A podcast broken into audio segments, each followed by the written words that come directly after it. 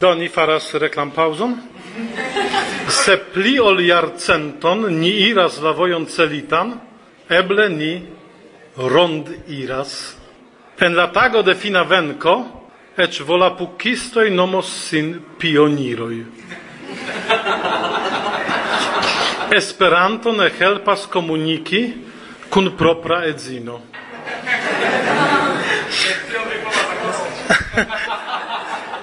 temas pri libro Verdeskaj pensoj.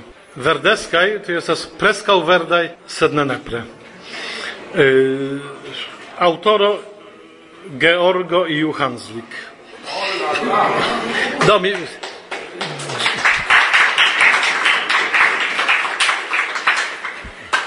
Do estas tre oportuna libro, czar la paragrafoj esas tre e kutime unu linio.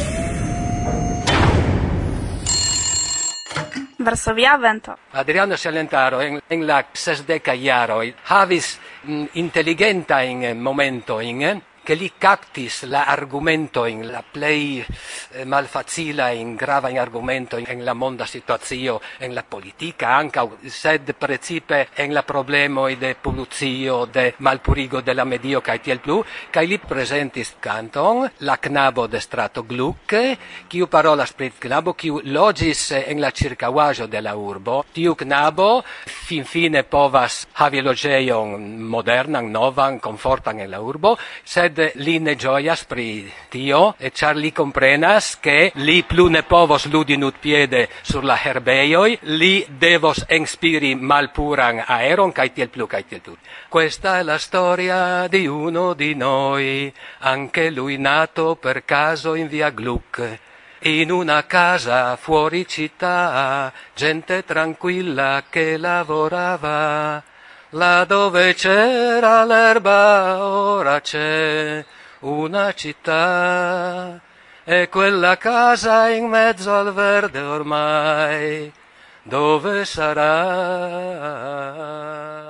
Ien la racconto pri unu el ni same nascita en strato gluck en domo malricia exter la urbo tranquillai homoi tre laboremai. Tiam herbeio estis tie, sed estas urb nun. Cai tiu domo tral verdage nun iam perdigis tral fur. Tiu ci knabo de strato gluc Cutimis lud amusigi cum mi sed iun tago Mi comprenas ke vi ege shatas eble ne traduki sed transporti en esperanto Giuste tiun italan kulturon nur italan? Ne ne ne mi ankaŭ jam eh, esperantigis eh, el angla lingvo kai anca el la hispana lingvo. Almovar? ne tro multe, char mi ne tro multe shatas regardi filmojn, ĉar mi neniam havis sufiĉan tempon. Ne, mi, eh, mi restis eh, ce la classicae, Cervantes cae quelcae alia. Ixune, eble, Cervantes, char eh, Don Quixote estas eh, eh personaggio al quiu mi iomete similas, revemulo cae tiel flu. Ne tiel, ne tiel frenesulo mi estas. Tamen, mi credas en la ideoi, en la revoi.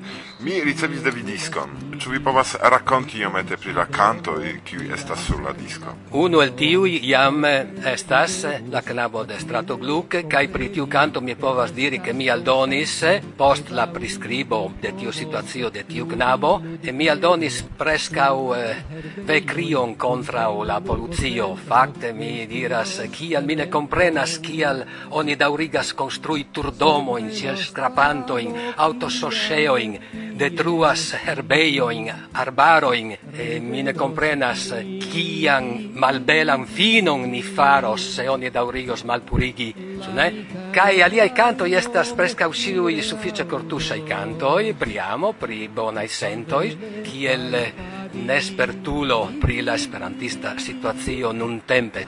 Mi comprenis che eble mancas iomete popolai cantoi, kiui estu suffice belai, suffice musiche bone presentatai, ancau por danzigi la homo in sunella o la bonai ritmoi, cae che la textoi estu facile compreneblai unua foie. Mi mem comprenas, utime, cion kion la homoi diras en prelegoj en normala babilado, sed mi tre mal facile comprenas unuan foion la belega incantoin de kelkaj eh, esperantistaj artistoi. Tial mia celo, ancau considerinte cae considerante che mi ne plu havas vocion, ne estas performanca, ĉar se oni volas ausculti belajn musicoin, hodiau estas miliono da belegai musicai.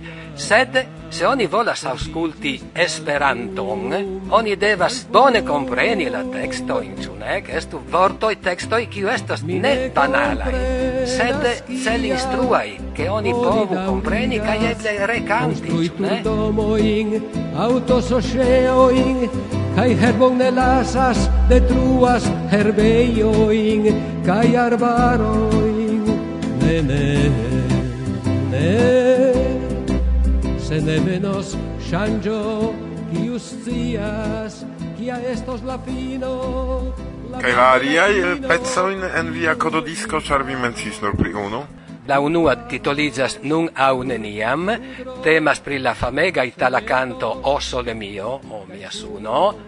kiu estas canto tauga per eh, granda e forta i voce ciu ne, sed antau quelca iardecoi Elvis Presley surbendigis gin, con granda successo, lau suffice moderna stilo, kai mi eh, min turnis iomete al tiu stilo, kai mi tradukis eh, nur mm, quelcain ideoin. Generale mi havas tiu emon ancau por pli bone adatigi la textoin mi eh, faris prescau novan texton, cae mi povas diri quelcain vortoin, nun au neniam circa ubracu min, donu via in kisoin, char mi amas vin. Nun au neniam circa ubracu min, donu via in kisoin, char mi amas vin.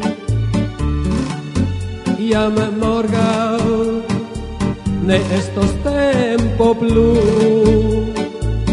nun au neniam la ŝanco por ni du.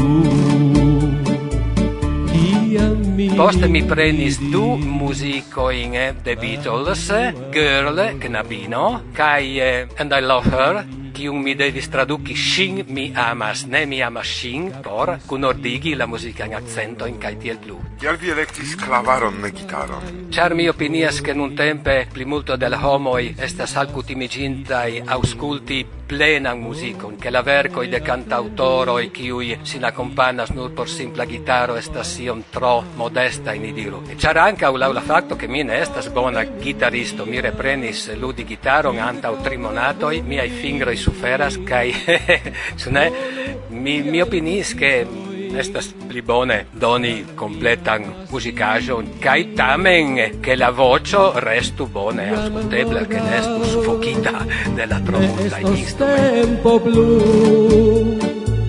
Nun au neniam la chanson por ni du. Fakte mi ankaŭ kunportis gitaron, ĉar kutime al tiuj muzikaĵoj mi aldonas kelkajn notojn foje-foje per mia gitaro. Sed ĉi tio la situacio estis tiel favora, kaj ankaŭ mi hieraŭ prenis baton ĉe fingro, kaj tiel mi diris pli bone, ke mi lasu gitaron el, en automobilo. Kiu el inter la esperantistaj muzikistoj plej impresas? Mi havis ŝancon aŭskulti la koncerton de Jomart kaj Natasha. Jomart laŭ mia opinio estas escepta gitaristo, ili cantas, ludas belege, sed mi devas esti sincera, mi prenis exemplon ancau por eh, priatenti la el parolon de la vortoj en la cantoi, char plur foie mi ne povis compreni la unuan foion la signifon de la vortoi, Kai sekve de tio mi klopodis eh, re registri kelkfoje mian vocion, char el parolante al mi shainis che mi diras tutte clare sed en la registrado resultis che eble au la fino au quelca consonanto ne estis bone audebla kai mi registris refoje char mi rediras mia celo pli ol alie estas instrua che oni bone comprenu kai anca eble lernu la chanzo por nidu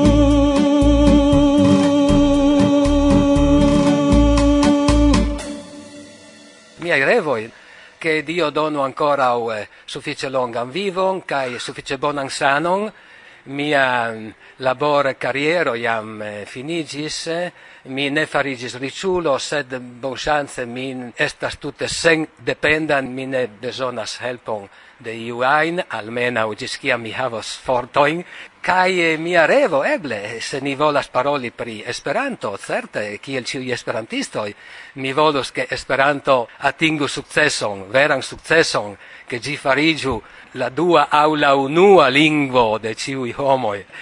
Tamen eh, eh por resti en mia eh, malgranda mm, vive plano, per eh, citiui miei cantoi mi ne volus farigi fama, tut certe ne, sed mi volus ricevi, kiel iam mi ricevas, reago in favorain, kiui jesas mian opinion, che miai cantoi estas instruae, che oni bone comprenas, giuas ancau la, la tonon, la musicajon, cae precipe tiu parto, kiu estas la texto, la vortoi, cae tiel plu.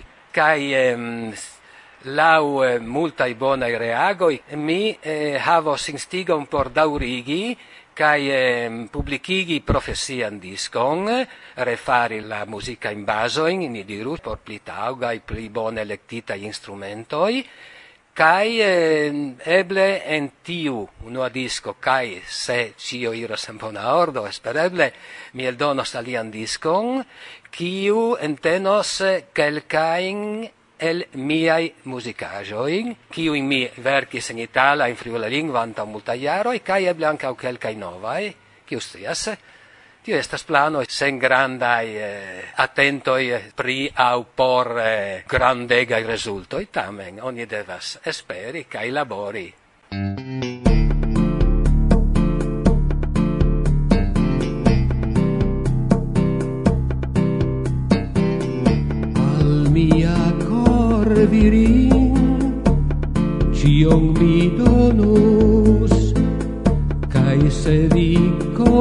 se shin ancau vi shin amus shin mi amas. Nur shin regalas mi per tenerezzo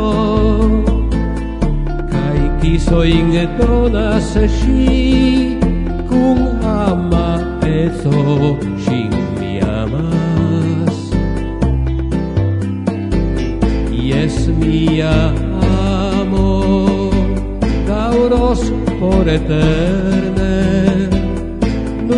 dice che restusci cum mi. La stelo e ciel certigas mi che ciam cum fidel ciamos min sen lim, ciam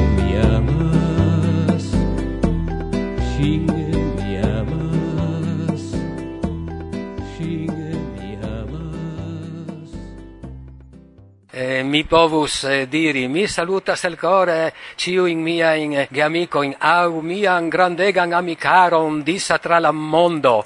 Mia amicaron estas granda, tamen estas valorega, certe, tiu qui havas bonsanton ascolti min, ricevas vere, vere el cora in saluto in el mi, por cio bona en, en eh, sia vivo, kai en sia revoi e kai por la italo e kiu i malbon chance ne conas esperanton mi diras amici cari saluti veramente io sono qui in Polonia Poznan che è una città meravigliosa. Il centro città è stato ricostruito a dei palazzi favolosi e anche le cose moderne che hanno aggiunto sono state veramente calcolate con stile, non ci sono certe stranezze che ci sono da noi.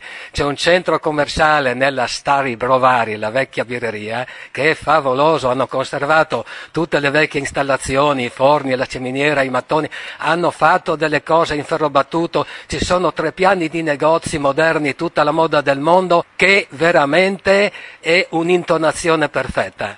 Bon, allora se avete occasione visitate la Polonia, Poznan, Varsavia, eccetera, la gente è veramente col cuore aperto, sembra di essere in Italia e se parlaste o parlate esperanto e trovate l'aiuto degli amici esperantisti, vi troverete come a casa vostra. All'amico Brucio Casini, chi, che avrebbe dovuto, ha voluto accompagnarmi, un salutone, mi ha un po' lasciato in difficoltà gli ultimi giorni per eh, gli accordi qui con gli amici, comunque le cose sono, sono comunque realizzate più o meno e quindi gli mando un caro saluto, attendo eh, naturalmente contatti e poi per, per sviluppi, sviluppi sempre in favore dell'Esperanto, per nostro piacere, per nostro certo, però soprattutto per far sì che questa grande idea continui tra le difficoltà ma che vada avanti, che eh, come già dicevo all'inizio, possa anche portare al raggiungimento di un sogno che forse un sogno non sarà mai, vero?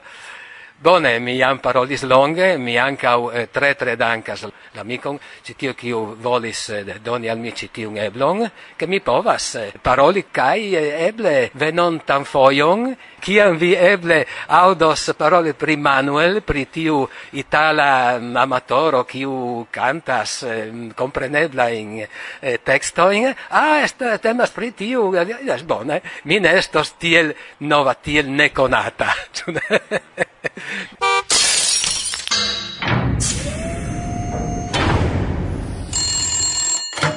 Saluton, carai gauscultantoi de nia la plei mojosa radio stacio. Varsovia vento, compreneble. Bla, bla, bla. Salutas vin. Goszka me. Kai mi Martusia. Jus ni tra rigardis diversain informoin, kiuj venis rete al nia redakcio, kaj preskaŭ ĉiuj apartenas al unu kategorio: aranĝoj, renkontiĝoj kaj aranĝoj. Jes, fakte. Kaj neniu petis, ke iel speciale ni reklamu ian aranjon. Do nur ni mencias, ke la rencontigioi esperantistai kaj aranjoi existas. Kaj se vi havas liberan tempon, monon kaj interesigas pri la partopreno, simple trarigardu la reton por trovi taŭgan por vi proponon. Compreneble, se iam vi interesigas pri la temo, ne forgesu aligi al yes. Yes! Pri reklamo de tiu aranĝo ja ni ricevis rektan peton. Et son reklamon, kiun dum la hodiaŭa programo ankoraŭ vi aŭdos. Sed tamen, inter la aranĝo spamo aperis kelkaj aparte interesaj informoj. Ĉu vi prezentos? La unuan bonvolu prezentu vi. Do bone. Irek, ni petas konforman muzikon. Irek!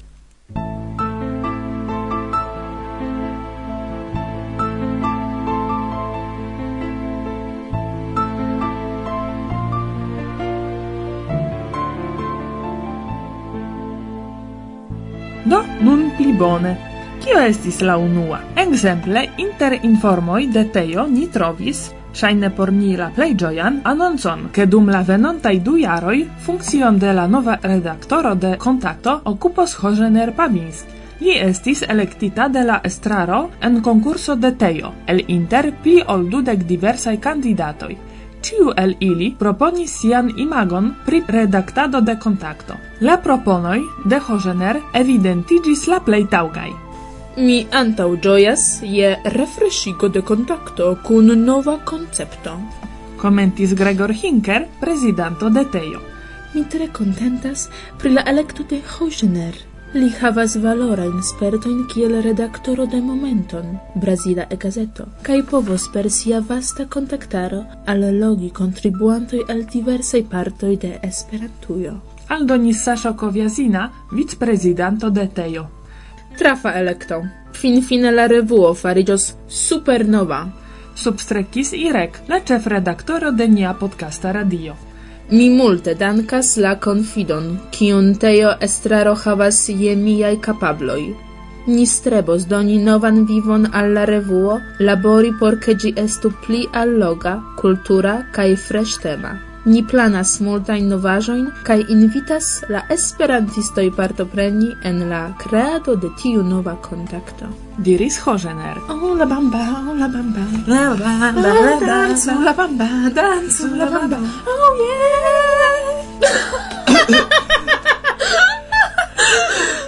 Reen al vivo. Eble mi ion diru.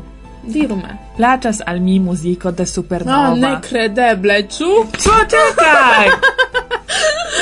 Yes, pritio valoras mencii. Kiu do estas la nova jus electita redaktoro? Li loĝas en Brazilio, en São Paulo, kaj antaŭ ol proponis sin okupiĝi pri kontakto, jam sukcesis sufiĉe famiĝi, ne nur kiel ĉefkantisto de la rockbando Supernova, sed ankaŭ kiel kreanto de la filmeta serio Esperanto estas. Mmm, denia ciam amica por vi, cae la aliai pacai batalantoi, redakcio. Corain salutoin al vin, cara, cae sen probleman laboron pri kontakto. Yes, alidu al yes. Yes.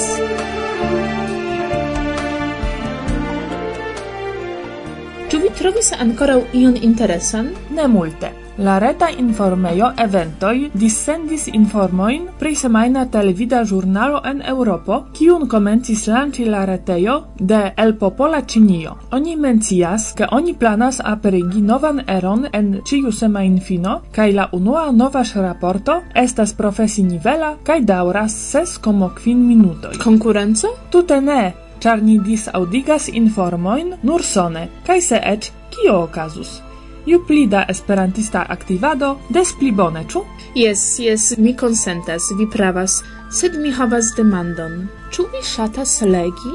Dependas kion kaj pri kio. Do, interesiĝu pri tiu informo. Aŭskultu.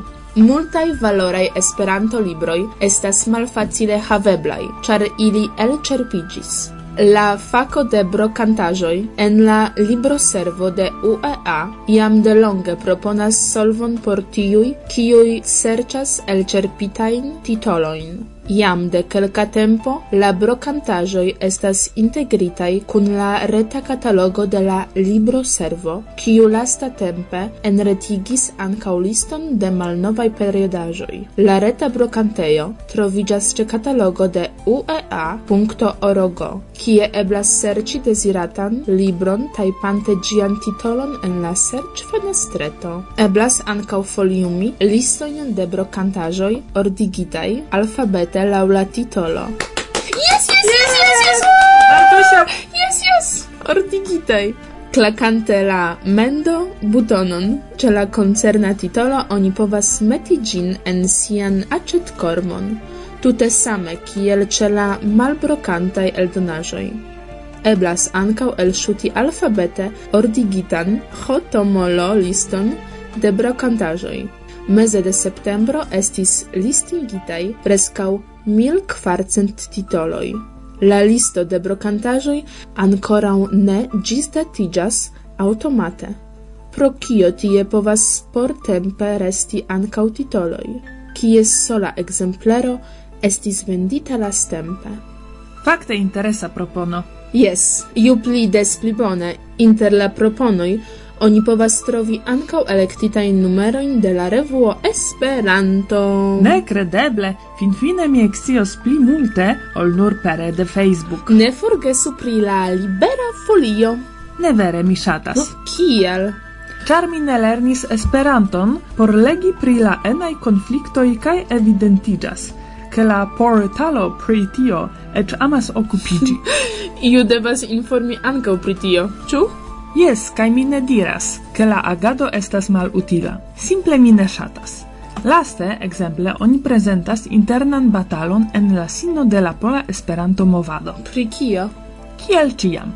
pri la vidpunktoj. Sed strange, ke la vidpunktistoj ofte forgesas, ke Esperanto naskiĝis por ligi, ne dividi homojn. Tial do, kion celas la internaj konfliktoj? Popularigadon de la lingvo pri kio peti Zamenhof varbadon al la movado, instigadon al lernado? Mi ne scias, pardonu. Tamen certe tio ne instigas novuloin interesigi pri la medio esperantista, kiu anstatau labori por la kuna bono de la ideo, pri kio ciam la novuloj audas, dronas bedaurinde en maro de la enaj konfliktoj. Rifajfi tion, se la pacaj batalantoi emas murdi unu la alian, pro diversai vidpunktoj ili faru. Estos tiam ni gaiai, gioiai pro Esperanto, cae plenai de espero, che se ni agos venos fin fine la fina venco. Belle! Vercu libron! Ne troigu. Cae kion vi, care auscultantoi, pri la enai bataloi? Ciu ancau vi appartenas alla medio de la batalemai vidpunctistoi? Ĉu valoras okupiĝi pri la enaj bataloj anstataŭ labori por evoluo de nia movado kaj kulturo? Respondu se vi ŝatas. Je via servo ĉe Facebook estas Varsovia Vento el sendoj grupo. Yes, metu tien vian opinion. La plej interesajn reagojn ni prezentos. Prezentos mi, me. Kaj mi, Martusia.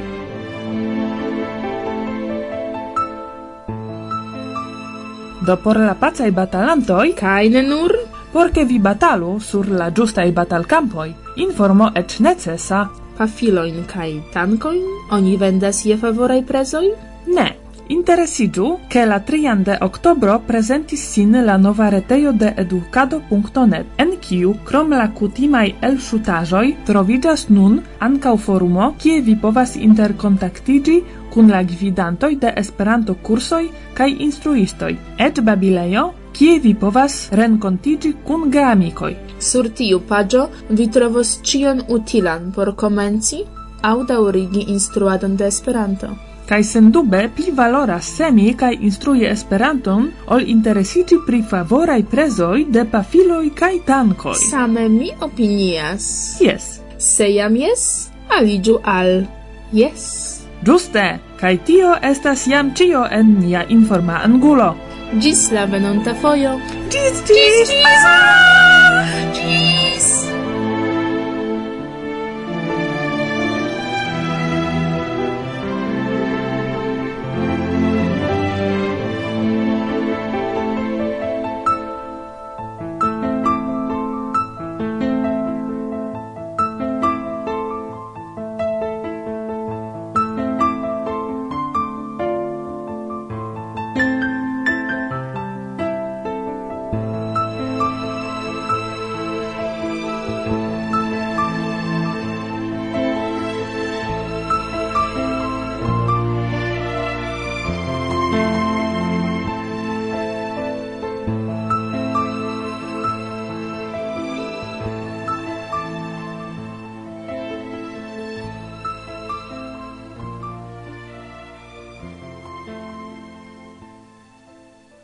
Do jam vi stias, kion valis la knabinoj dum kiam mi salutis vin komence de la elsendo. La aktualaĵojn en iom alia ol ĝis nun formo prezentis al vi Martusia kaj Goszka me, me, me, me, me kaj prilaboris la materialon Martusia.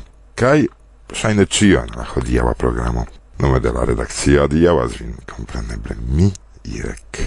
Ĝis post du semajnoj. Ni estas frenezuloj, vi estas la saĝul Je, yeah, je, yeah, aŭskultu min kaj Jam ne plu estas mok, jam ne plu estas ŝerc Sole esporimoj kun la frekvenco pli ol unu gigahertz Akra kiel piko vespa, la potenco espa Eterne rima kaj io ex Jam ne plu estas mok, jam ne plu estas ŝerc Sole esporimoj kun la frekvenco pli ol unu gigahertz Akra kiel piko vespa, la potenco espa Eterne rima kaj io ex Niajn vortojn mi direktigas al tiuj kiuj ne kredis ke espo povas havi repon vi ridetis nur Antau mi staris mur, tamen mi ĝin supersaltis Ci povis, halti ne povis, eĉ ne volis Ĉar mi jam fluas nun kun ĉi tiu Kurento blovas tiom forta vento Ne helpos lamento, mi venas kun la ond de supera hip-hop Sen kompata hip-hop, verkoj de Ezop Predigas kiel pop, kaj mi staras sur la top De la ŝip per kiu mi albordas vian pukon mordas Sentu la doloron, vidu estas nova realeco Komika lingvo, tamen ebleco Ĉu atakema eble jes Sed mi kraĉas sen ĉeso tian opinion. Putinidoj scias nenion Hegemonion de la stil. Mi altrudas spite al via mir Finfine venas la vir. Jam ne plu estas ok Jam ne plu estas ŝerco Sole esporimoj kun la frekvenco Ol unu GHz Akra kiel Pico vespa. La potenco espa Eterne rima Kai io extra. Estis iam pioniroi Unuai musicisto Jam antra multai jaroi. Verdai artisto Se mankis unu afer. Ĉu vi scias kio? Bongusta rap Kun bongusta melodio. Ĉu shock, yes shock, auskultu espon Mi utiligas normala afer. Mi kiel vivas Turbon nenigigas Akceptu tion. Ĉu vi credas Ĉu ne? Rigardu mi staras Fiere Ci tio Kantis la tempo kiam mi portis verdan stelon Kantis la tagiĝon, kantis la esperon Nun mi iras propran vojon, ĉar ĉi tie kuŝas sens Alia frekvenc, la vera potenc Vi volas audi Esperanton, ŝanĝu ĉam